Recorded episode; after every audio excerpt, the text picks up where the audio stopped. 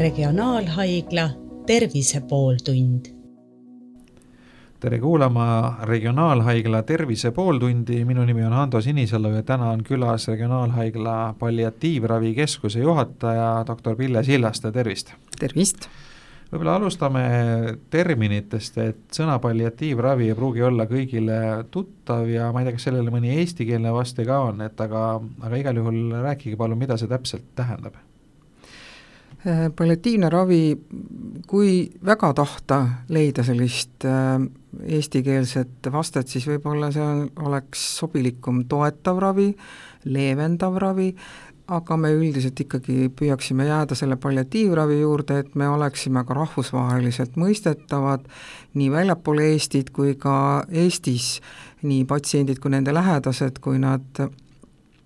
hakkavad äh, täpsustama ja guugeldama, et mis asi see palliatiivne ravi on, siis ka äh, muu maailma äh, kirjandusest nad saavad viiteid ja täpsustusi, millega tegemist on. kui aktiivravis on kogu tegevus suunatud, siis on see siis üks konkreetne haigus või lausa konkreetne haigeorgan,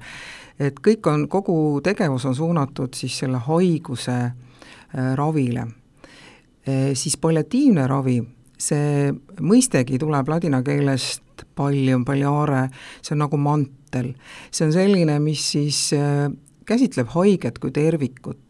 et seal ei ole ainult see tema haigus, seal ei ole see ainult see haige organ, vaid seal on terve inimene kõigi oma maailmavaadetega, kogu lisaks oma füüsilistele vaevustele on seal veel lisaks ka sotsiaalsed, kui sotsiaalne sotsiaalne pool, psühholoogiline pool ja eksistentsiaalne pool. Et äh, seega see palliatiivne ravi ongi selline meeskondlik tegevus, kus me püüame haiget igakülgselt toetada, et äh, ta suudaks läbi selle haigeks olemise võimalikult äh, kvaliteetselt oma aastaid elada. Ja muidugi see palliatiivne ravi ei ole ainult patsiendile suunatud, vaid ka patsiendi lähedastele. Ja selline üldine eesmärk on äh, me ei ravi haigust, vaid me püüame seda haiget reeglina äh,, haiget, kelle tervislik seisund on oluliselt halvendanud tema elukvaliteeti äh,, reeglina need haiged terveks ei saa ja vot nende haigete siis elukvaliteedi parandamisel on see palliatiivne ravi suunatud. et tava, seal, see koosneb neljast komponendist, nagu öeldud, üks on siis see äh, füüsiliste vaevuste leevendamine, näiteks üks kõige sagedamini esinev äh, selline vaevus, mis on sellistel kroonilistel haigetel, on ju valu siis võib, on ka iiveldus, oksendamine, unetus, kõhukinnisus, kõhulahtisus, meeleoluhäired, depressioon, et sellised, ma nimetaks neid universaalseteks vaevusteks, mida esineb väga paljude haiguste puhul ja kui reeglina siis äh, eriarstid suunavad kogu selle jõu ja tähelepanu haiguse ravimisele, siis tihti jäävad need niisugused üldised vaevused kas siis kahe silma vahele või haige, just vähihaigete näol on tihti näha, et haige ütleb, et oh, ma ei hakka tohtrit nüüd tülitama veel selliste, äh, selliste probleemidega nagu see valu ja ma püüan selle ära kannatada, peaasi, et me ravime ikkagi seda haigust. Aga läbi selle on ka jälle väga palju tehtud teadusuuringuid, et mida, äh, mida paremini on sellised füüsilised vaevused leevendatud, selli-, seda paremini haige äh, on nii-öelda valmis äh, seda päris haiguse raviga toime tulema, see ravisoostumus on parem ja ka vähihaigus, vähihaigete puhul on ka uuringutes näidatud, näidatud siiski ka seda, et ravitulemused on paremad. kui on vähile suunatud ravi ja lisaks sealjuures on võimalik äh, haiget toetada mitmekülgselt läbi just selle palliatiivse ravi. See on nüüd üks osa palliatiivsest ravist. järgmine osa mis on väga oluline, kui sind on tabanud raske haigus või ka pärast traumat näiteks, sul on sellised traumajärgsed toimetulekuraskused ja olulised elukvaliteet halvenenud ja sa tead, et sa pead toime edaspidi elama just nii, nagu praegu see seisund sul on ja tõenäoliselt täiesti terveks sa enam ei saa, siis seal on kahtlemata ka oluline roll sellel sotsiaalsel poolel. Kuidas ma toime tulen? kas ma saan minna tagasi tööle, missugune roll on mul nüüd edaspidi perekonnas ja nii edasi ja nii edasi, kes maksab laenud äh, ja nii edasi ja nii edasi. Siis kolmandaks on äh, väga oluline siin see psühholoogiline haiguse ja selle äh, prognoosi ja, ja kogu selle pika looga toimetulekus, psühholoogilises toimetulekus. nii et siin võib olla episoode, kui haige vajab just psühholoogi tuge, toetust ja nõustamist. ja neljas on siis eksistentsiaalne, see nii-öelda hingevalu, kus äh, tulevad meile appi hingehoidjad. just see on ka tihti see valdkond, kus äh, haigel tekivad küsimused, aga kui ma ära suren? Äh, see surmaga toimetulek, see, see leppimise, leppimuse leidmine ka perekonna toetamine ja, ja perekonna toetamine ka pärast äh, patsiendi surma. et seal tuleb meile kindlasti appi ka äh, hingehoidjate meeskond. Aga kuidas seda kõike korraldada, sest ma saan aru, et seal on äh, kaasatud päris erinevad spetsialistid, et ütleme, valu, valuravis on ilmselt meedikud, siis on psühholoogid ja psühhiaatrid ja siis lõpuks ka need hingehoidjad kes võivad ju hoopis olla, olla näiteks kirikuinimesed, et mm, -hmm. et, et kuidas seda kõike koordineeritakse ja kes seda koordineerib? ütleme nii, et äh, praegu paraku Eestis on äh, selline väike mudel palliatiivravi meeskonnast, just sellest mitme multidistsiplinaarsest meeskonnast, see väike mudel on praegu ainult Põhja-Eesti Regionaalhaiglas. meie meeskonnas on tõesti olemas praegu nii palliatiivravi arstid, Äh, on palliatiivravi õed, nõustajad, valuõde on meil, meil on koduõendusteenus, et kui haiget on vaja toetada ka kodus olles, et ta ei saa vastuvõtul käia, siis on meil äh, psühholoogid, meil on hingehoidjad, meil on ka kogemusnõustajad, endised patsiendid, et äh, seal me anname nii-öelda teineteisele üle või, või palume äh, kedagi meeskonnast appi. Suuremas pildis, äh, kuna ma ise osalen ka palliatiivse ravi seltsi Palliumi nii-öelda äh, töös ja me püüame seal välja just nimelt töötada seda struktuuri, kuidas see võiks välja näha kogu Eestis et see on meil iseenesest paberil olemas, see nägemus, aga lihtsalt praegu ei ole seal väljundit ja, ja, ja otsustajad ja rahastajad ei ole väga sellest praegu huvitatud, aga nägemus, ütleme, ja kontseptsioon on meil olemas. aga see, see võiks olla ikkagi niimoodi, et ka näiteks meie haiglas, et esmajoones peab seda vajadust märkama raviarst või siis selle osakonna või, või arstiga koos töötavad õed, et haige vajab lisaks midagi enamat kui ainult seda haiguse ravi. ja siis juba peavad need arstid ja õed teadma, kus nad abi saavad. et meie haiglas nad teavad, et nad helistavad meie keskusesse, aga see peaks olema kogu riiklikult niimoodi see struktuur paigas, et iga ka väikese maakoha perearst teaks, et vot tal on selline probleem, kus ta saab omale äh, abiks kutsuda sotsiaaltöötajat, kus ta saab endale abiks kutsuda hingehoidjat või kuhu ta siis suunaks näiteks psühholoogi nõustamisele. et me, et see ei ole päris niimoodi, et vot nüüd haige jäi, näiteks sai vähidiagnoosi ja nüüd siis kohe ongi terve meeskond nii-öelda haigel kallal. et äh, see on ikka pigem nii, et äh, kõik teavad, et on võimalik igal haiguse etapil kutsuda kedagi appi. ma alati toon näiteks sellise äh, vähihaige, kellel see alles näiteks diagnoositakse esimese staadiumi vähk, väga suure tõenäosusega saab ta terveks, näiteks rinnavähihaige. aga sel esimesel hetkel, kui ta saab selle diagnoosi, on see tõeline šokk. ja vot see on see hetk, kus võib-olla patsient vajab meie meeskonnast mõnda aega alguses leppimiseks, kellegagi rääkimiseks psühholoogi. siis hakkab ta saama seda vähivastast ravi, ta saab terveks ja tal rohkem ei olegi vaja palliatiivse ravi toetust. kui ta näiteks on nüüd selline rinnavähihaige, kellel on juba kaugele arenenud see kasvaja, on luumetastaasid, ravi vähk on ju teatavasti juba muutunud meil teatud paikmete puhul krooniliseks haiguseks, et need haiged võivad oma kaugele arenenud vähiga elada aastaid ja aastaid. aga see elu vajab nii-öelda väärtustamist sellega, et nad ei peaks seejuures kannatama ja, ja vot seal on siis see palliatiivse ravi meeskond eriti oluline seal kõrval. on tal siis valud, on tal siis äh, see nii-öelda vahepeal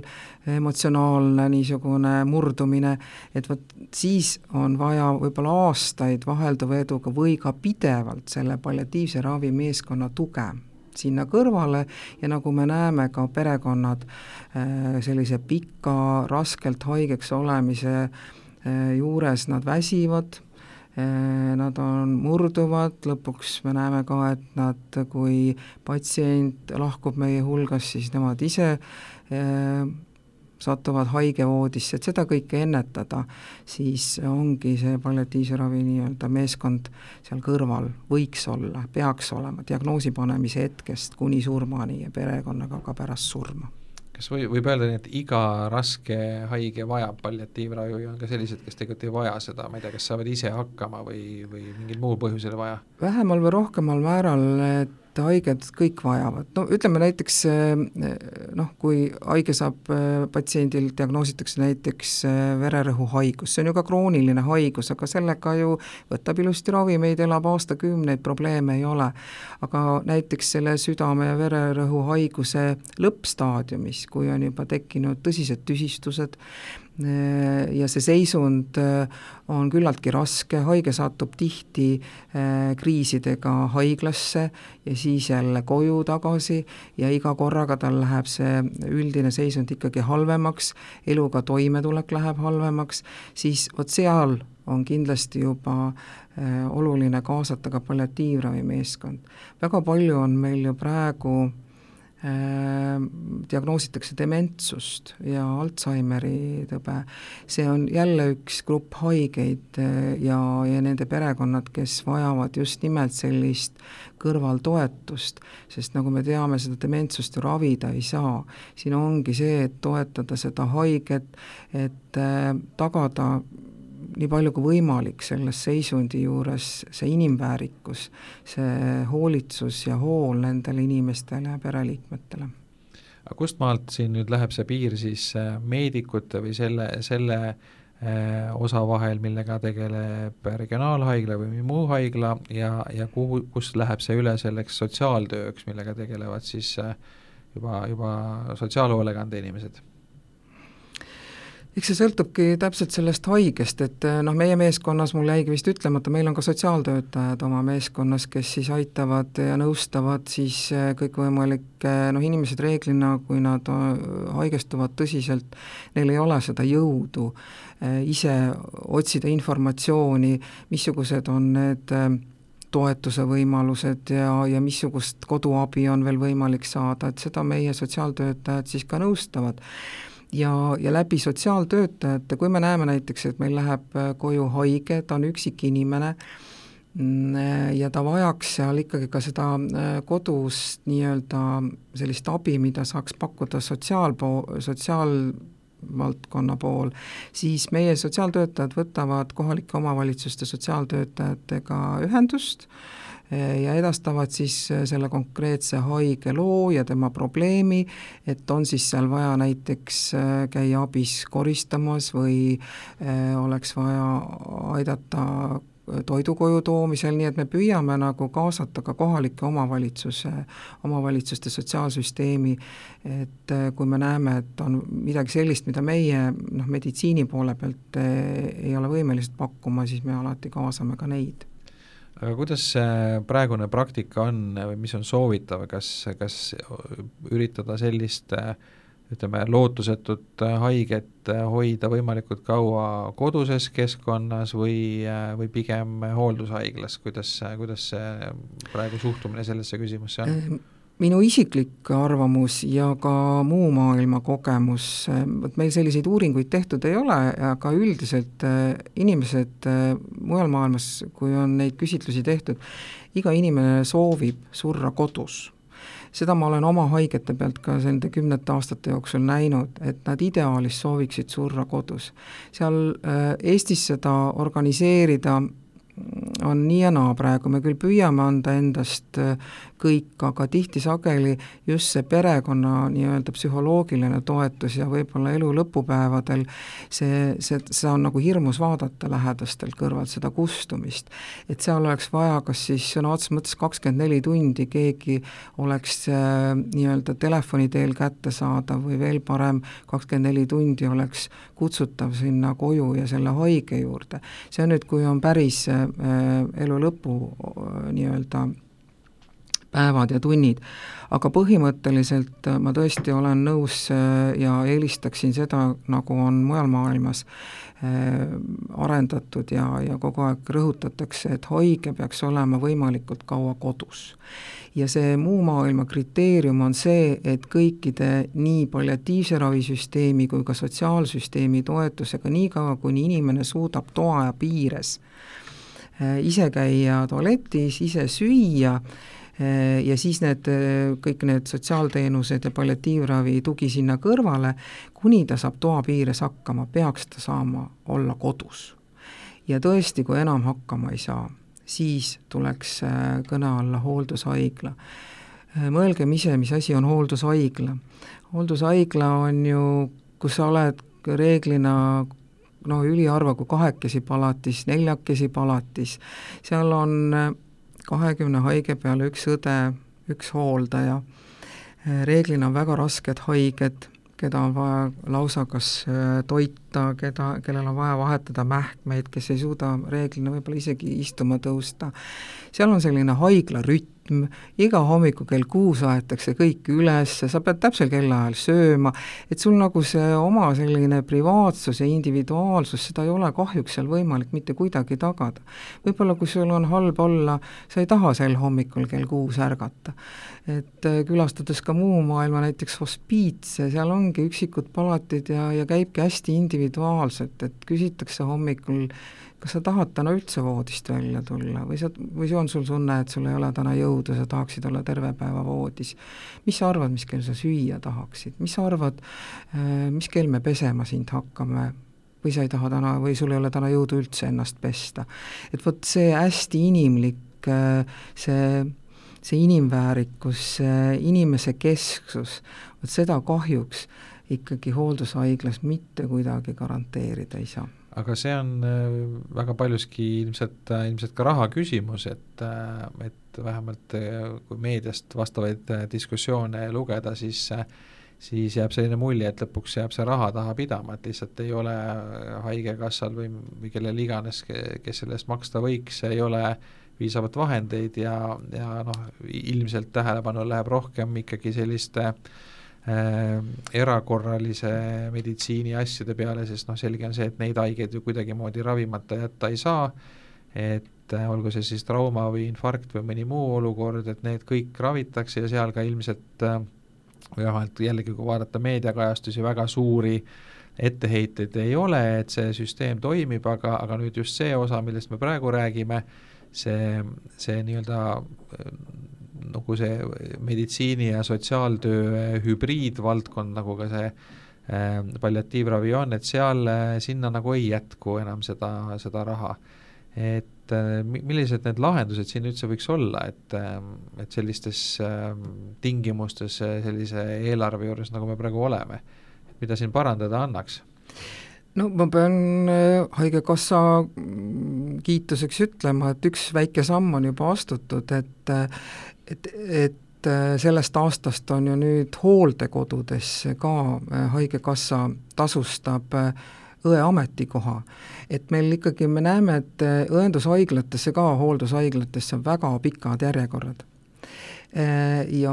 aga seal on väga palju ka selliseid haigeid, kes iseenesest vot seda meditsiinilist osa nii palju ei vajagi, kuivõrd vajavad seda niisugust elementaarset igapäevase toimetuleku osa, et nad oleks ikkagi rohkem nagu hooldekodu patsiendid, aga neil peaks olema pisut rohkem seda, vot just see me-, seda õe tuge sealjuures, aga seda nüüd Haigekassa hakkas sellest aastast tasustama, nii et nagu eh, haiged võiks nüüd nagu, osad neist vähemalt, võiks rohkem liikuda sinna hooldekodusse. aga kui ma, kui ma vaatan seda muud maailma, siis seal ei ole selliseid hooldushaiglaid, nagu meil on seal on hospiitsid ja hospiits ei tähenda mitte seal maailmas mitte seda, et kui ta tuleb hospiitsi, siis sealt enam ta välja ei tule ja seal ta sureb. vaid see ongi, see hospiits on rohkem selline koht, kus jällegi vot need vaevused ja kogu see nii-öelda äh, ja probleemistik vaadatakse vot see palliatiivravi võtmes läbi, seal on oma arstid, oma õed, eks ju, kõik see, kogu see meeskond on seal esindatud. Ja tihti sageli, kui need eh, vaevuse, vaevuste ravi ja kõik jälle üle natukene vaadata, ära korrigeerida, võib-olla haige seisund läheb jälle nii palju paremaks, et ta saab tagasi koju minna. praegu meie õendushaiglates või hooldushaiglates see on ju hästi-hästi odav mudel. Eh, seal sisuliselt pole ette nähtud arsti mis on minu jaoks täiesti loogikavastane. et kui inimene ei saa lihtsalt toime, siis ta läheb hooldekodusse, ei tule igapäevase eluga toime, kui ta tervise tõttu ei tule toime, siis ta läheb hooldushaiglasse, seega need on väga rasked haiged reeglina ja samas ei ole arsti ette nähtud sinna. päriselt need haiged vajaksid igapäevaselt arsti, arsti, kes vaatab nende raviskeemid üle, kes korrigeerib vastavalt seisundi muutusele, aga praegu on see tõesti see kõige odavam mudel ja, ja üsna minu arvates eh, natuke meenutab seda nõukogude aega, et need on need probleemsed inimesed, kellega meil väga head lahendust ei ole, eh, ehitame selle hooldushaigla, paneme nad kõik sinna. Ja, ja noh, kuskile on nad pandud, aga mis see noh, nagu see kvaliteet või see inimväärikus ja see sisu on, et see nagu jätab soovida, muidugi siin võib jälle öelda, et see on see raha küsimus. Aga jällegi ma tulen nende uuringute juurde, mida on tehtud Inglismaal ja Ameerikas väga palju palliatiivravi kulutõhususest. ja seal on näidatud, et kui neid vaevusi leevendada, kui see sotsiaalsüsteem tuleb sinna kõrvale ja haiged on võimalikult kaua kodus toetatud, see tuleb summa summarum palju odavam, kui üleval pidada ikkagi ka neid odava äh, rahastusmudeliga õendust. kust see võit siis tuleb? See tuleb sellest, et, äh, et esiteks need haiged ei satu nii tihti erakorralise meditsiini osakonda sest nii, kui nad on halvasti, nende sümptomid on kontrollitud, me,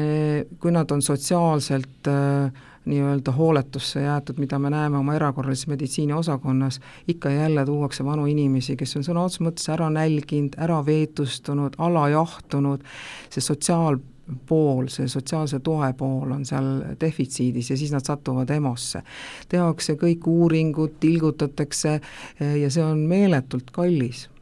ja samas noh, kui haige on raskes seisundis, sa nii-öelda pead tegema, aga päriselt on seal taga äh, tavaline sotsiaal äh,, nii-öelda sotsiaalne toetus ja hoole defitsiit. et läbi selle ongi näidatud, et tulebki see tohutu kokkuhoid kui nüüd rääkida sellistest äh, haigetest või patsientidest, äh, kes ei, ei ole nüüd nii raskes seisus äh,, ja, ja kellel on äh, elupäevi rohkem äh, lo-, loota, siis äh, kui, kui palju palliatiivraviga on, on võimalik saavutada seda, et see inimene näiteks läheb tagasi tööle, et ähm, noh, praegu on võimalik ka ju päris palju töid teha kodust lahkumata ja, ja osaliselt osalise tööajaga ja tegelikult äh, isegi, isegi kui need, kes on võib-olla päevas ainult äh, kolm-neli tundi töövõimelised, tegelikult selle ajaga oleks võib-olla isegi võimelised ennast ära elatama teatud tööde puhul. et kui palju, kui palju te seda näete, kui palju selliseid haigeid on? Ma ei oska seda niimoodi protsentuaalselt ega sedasi öelda, aga, aga, aga kahtlemata, kui ka see näiteks vähihaige, kes saab äh, vähivastast ravi ja, ja tal on seal oma kriisid ja, ja paremad perioodid, kui me aitame ta võimalikult ruttu sealt kriisist välja või me isegi teatud mõttes ennetame seda, sest et kui haige teab, et tal on iga kuu, on see üks päev, millal ta läheb saama oma seda keemiaravi tilgutit, et pärast seda on ta nädal aega täiesti sellises seisus, et ta ei ole võimeline voodist tõusma, ta iiveldab, oksendab, tal on nii halb, kui me seda juba ette teame, siis äh, sellistel juhtudel näiteks me saame sellele haigele kohe juba planeerida, et äh, selle keemiaravi äh, järgsest päevast või siis ütleme, ülejärgmisest päevast. Läheb koduõde koju, alustab tilgutitega, kui noh, on näha, et tal iga kord on selline raske kriis, siis väga tõsine probleem on valu kui inimesel ei ole valu leevendatud, ta ei ole või-, töövõimeline. tihti see väga raske äh, vähihaige või näiteks luumetastaasidega haige, mis põhjustab päris tõsiseid äh, valusid, äh, muidu näeb välja ju nagu täitsa tipp-topp haige, aga tal on meeletud valud. kui me need valud ära leevendame adekvaatselt ja tõhusalt, siis ta on igati töövõimeline, igati asjalik, emotsionaalne pool kui sa, kui sa oled ikkagi depressioonis, sul on unehäired, sa oled ärev, sul on kogu aeg see hirm, mis must saab, see surmahirm, mis käib nende raskeste haigustega, mis käib eriti selle vähiga kaasas, eks ju, see ei lase sul kontsentreeruda, see ei lase sul keskenduda, aga see tulebki maha võtta. ja see ongi selle meeskonna töö, et ei ole ainult minu kui arsti osa seal rohtu määrata, üks väike osa on kindlasti see, aga, aga appi tulevad sellistel emotsionaalsete kriiside puhul just psühholoogid, hingehoidjad ja, ja sotsiaaltöötaja aitab läbi arutada, kuidas võiks seda äh, tööd siis äh, näiteks noh, nagu korraldada või missuguseid toetusi annaks sinna juurde veel ja ja, ja, ja see, just see niisugune nõustamise pool, sest inimene selles seisus, temas ei ole seda jõudu otsida ise, et et, et mida annaks ära teha, et ma, et ma saaksin tagasi tööle minna. no kui lugeda meediast äh, näiteks äh, just äh, neid vähihaigete lugusid, siis ja mitte ainult, vaid, vaid igasuguste raskete haigete lugusid, siis väga väga sageli selline läbiv teema on see, et see inimene ise on võitleja natuuriga ja ta ise äh, tal on tahtejõud ja ta suudab üle olla sellest ja, ja jõuga nii-öelda äh, ikkagi suudab endaga toime tulla ja, ja ka tööd teha ja nii edasi ja samas mõni ilmselt murdub ja ja võib-olla tal objektiivselt ei olegi nii äh, hull haigus, aga ta lihtsalt äh, psühholoogiliselt Just, äh, murdub. me oleme ise ju, me oleme kõik väga erinevad ju oma tundlikkuses ja, ja sellises läbilöögivõimes ja ja aga need, mis meediasse tulevad, need on tihti sellised natukene nagu noh, sellised üles push itud lood ja ja, ja see paiguti tundub, et see, et kui sa tead mõnda haiget, kes oma seda edulugu seal räägib ja sa tead, et see on niisugune no natuke nagu võib-olla selline väljanäidatav selline mantra lugemine iseenda jaoks, et ma olen tubli, ma saan hakkama, aga varem või hiljem ka nemad murduvad, sest et nad lihtsalt väsivad ära ja, ja sellest ju tihti ei kirjutata, kirjutatakse ikkagi sellest osast ja ja see, see, see sõdi, see, aga see noh, ühed, ühtepidi on see inimlik, me kõik tahame elada ja, ja kõik tahavad äh, anda see noh, panustada maksimaalselt, et, et jääda ellu ja, ja võimalikult kaua elada. ja enamjaolt need edulood või see panustamise lood on sellele, just sellele konkreetselt nagu selle haiguse, spetsiifilise haiguse vastasravil, me räägime nüüd, eks ju, peamiselt need vähihaiged, kes ütlevad, et et ükskõik mis hinnaga ja ma püüan seda, saada omale selle ravi ja, ja, ja läbida selle ravi. Aga seal kõrval mm, noh, neil läheb palju paremini, kui see toetav pool on seal kõrval. Mm. -hmm nüüd äh, selliste raskete juhtumite poolel, puhul on ju tegelikult äh, ma, ma ei julge nüüd öelda, et kas rohkem, aga, aga võib-olla isegi samaväärselt äh, tihti kannatavad lähedased. nüüd seesama viimase hetkeni kodus olemise soov näiteks äh, võib-olla, võib-olla on lähedastele nii traumeeriv, et, et pärast vajavad nemad ravi, et et kuidas teie kogemus ütleb, et mis, mis hetkest alates on nagu tuleks esikohale seada see, see haige, see patsient ja mis hetkel peaks mõtlema hoopiski võib-olla lähedaste heaolu peale rohkem? kuidas seal seda, seda no, tasakaalu leida? reeglina ongi niimoodi, et kui, kui noh, kõige hullem surm on minu arust see, kui kodus üks hetk perekond algul ütleb, et me täidame tema viimase soovi ja me laseme tal kodus surra, me oleme selleks valmis, aga siis nad ikkagi murduvad üks hetk ja ja siis, kui see päris see suremine, see suremine ei ole nii ilus, nagu Mehhiko filmides see on, päris hi-, noh, selline vaatepilt ja kui sa ei ole veel ka meedik ja sul isegi ka meedikutel ja ka arstidel ma olen kõrvalt näinud, et kes ei ole kogenud seda, missugune see suremise protsess välja näeb, siis see on nendele ka tihti sageli üsna šokeeriv. ja lähedastel ammugi, see abitus puuduse tunne, et aga järsku peaks midagi tegema nüüd. ja siis, kui nad murduvad, siis nad kutsuvad kiirabi meeleheitest ja siis see lähedane sureb kusagil kiirabiautos või külmas kõledas üksikus seal palatinurgas kusagil EMO-s, see on kõige kohutavam surm, mis üldse olla saab. aga ma näen, et need üksikud perekonnad, kellel meil on õnnestunud väga hästi Äh, täita see äh, lähe-, patsiendi viimane soov, selle taga on ikkagi vestlused, vestlused, selgitused, vestlused, äh, püüdes nagu etteaimatavalt selgitada, et mis seal võib kodus juhtuda, et nad ei heituks sellest. aga nad ikkagi võivad, see on inimlik, et üks hetk nad murduvad, mul isegi kogenud koduõed ütlevad, et mõnikord, kui nad on juhtunud koju sel hetkel, kui haige hakkab surema, siis ka neil tekib aeg-ajalt selline tunne, aga järsku ma ikka peaks midagi tegema, aga järsku ma peaks ikkagi kiirabi kutsuma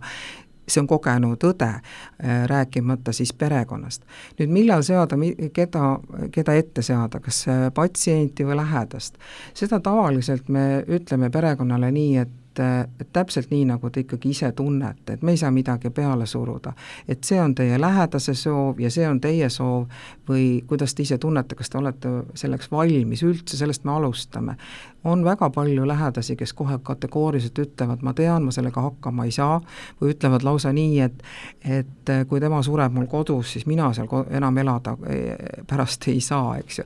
me kõik oleme erinevad, meil on kõigil oma hirmud ja, ja, ja mis iganes. et sellepärast me ikkagi küsime esmalt perekonnalt, me räägime, püüame rääkida läbi, et tõenäoliselt see varsti juhtub, et mõelge enda jaoks läbi, kas te suudate selle äh, viimase soovi täita, aga on ka haigeid, kes tunnevad turvalisemalt haiglas. ja, ja siis muidugi me, me ei hakka seda peale suruma, see nii, mis on haige eelis, eelistus et äh, ja, ja perekondadega on äh, noh, võib-olla, võib-olla see nii-öelda see surmaks valmis olemise lugu, see on tõeliselt noh, minu jaoks alati selline äh, vau-efekt, et et kui ma vaatan siin mõnda haiget, kes äh, on võib-olla kolm-neli kuud kodus üliraskes seisundis, tal on võib-olla seal niisugune lagunev kasvaja,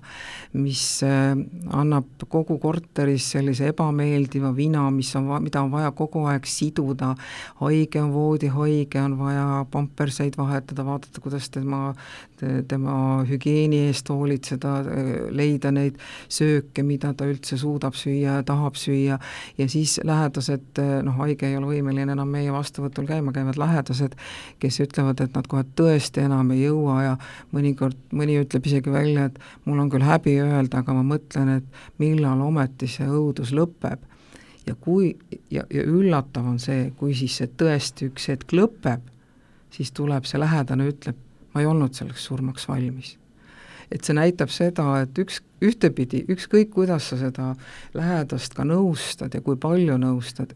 me ei ole oma lähedase inimese kaotuseks ikkagi kunagi piisavalt valmis, et siis tulevad need süütunded ja see murdumine ja vot see ongi see oluline, on ka oluline, miks me peame tegelema selle perekonnaga ka pärast surma. siin on täiesti omaette äh, grupp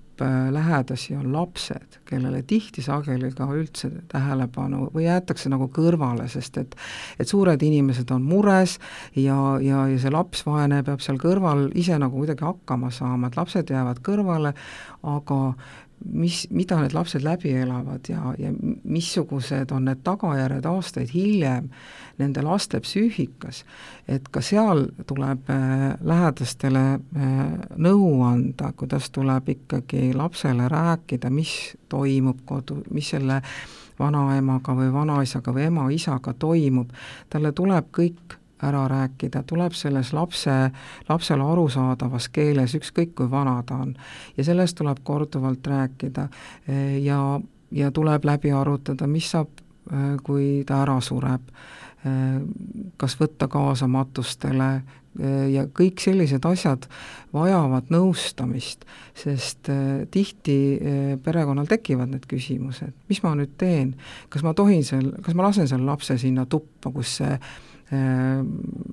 selline täiesti juba moondunud välimusega vanaema on, et võib-olla ta saab sellest šoki, mis mälestus tal sellest vanaemast jääb, kui ta näeb teda veel niisugusena. Ehm, ja, ja vot seal vajatakse nõuandeid ja, ja vot see osa on ka, see ongi see osa, mida ka palliatiivse ravi meeskond siis teeb lõpetuseks pean küsima seda, et eh, kuidas teie nüüd ise palliatiivse ravi arstina ja teie meeskond Äh, sellega toime tuleb, et kui teie igapäevatöö on, on äh, täis selliseid emotsioone, äh, mis on rasked, te küll olete ette valmistatud ja nii edasi, aga, aga kindlasti see avaldab ka oma, oma mõju siiski, et kuidas teie suudate sellele stressile vastu panna ja, ja säilitada siis positiivsust, elurõõmu kogu selle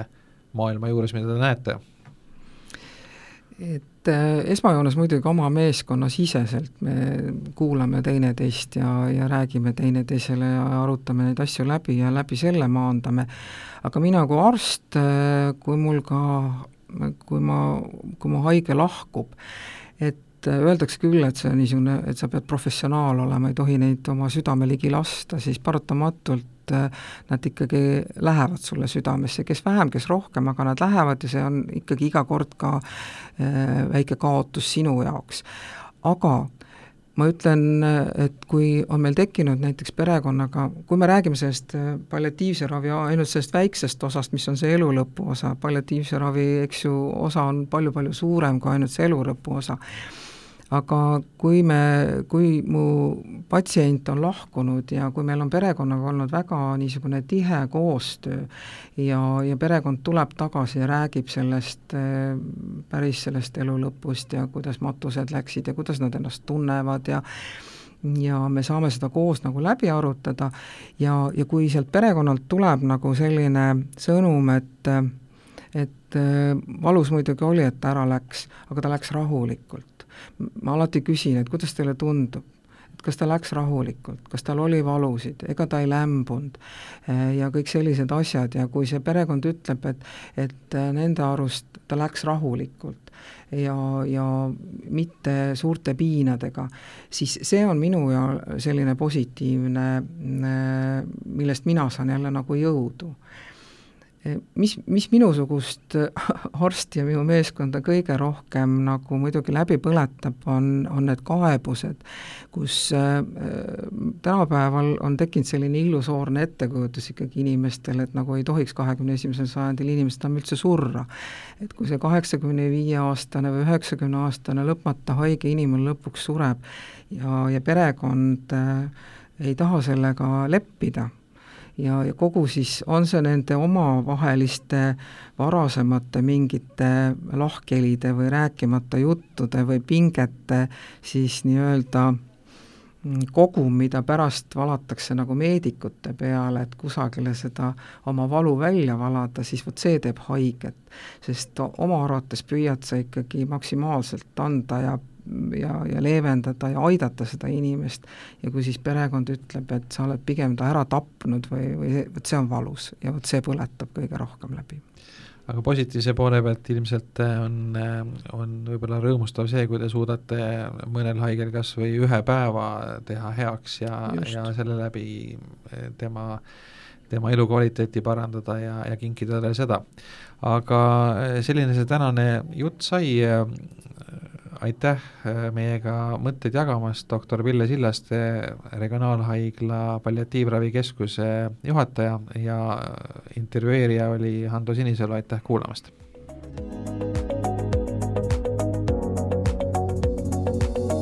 regionaalhaigla Tervise pooltund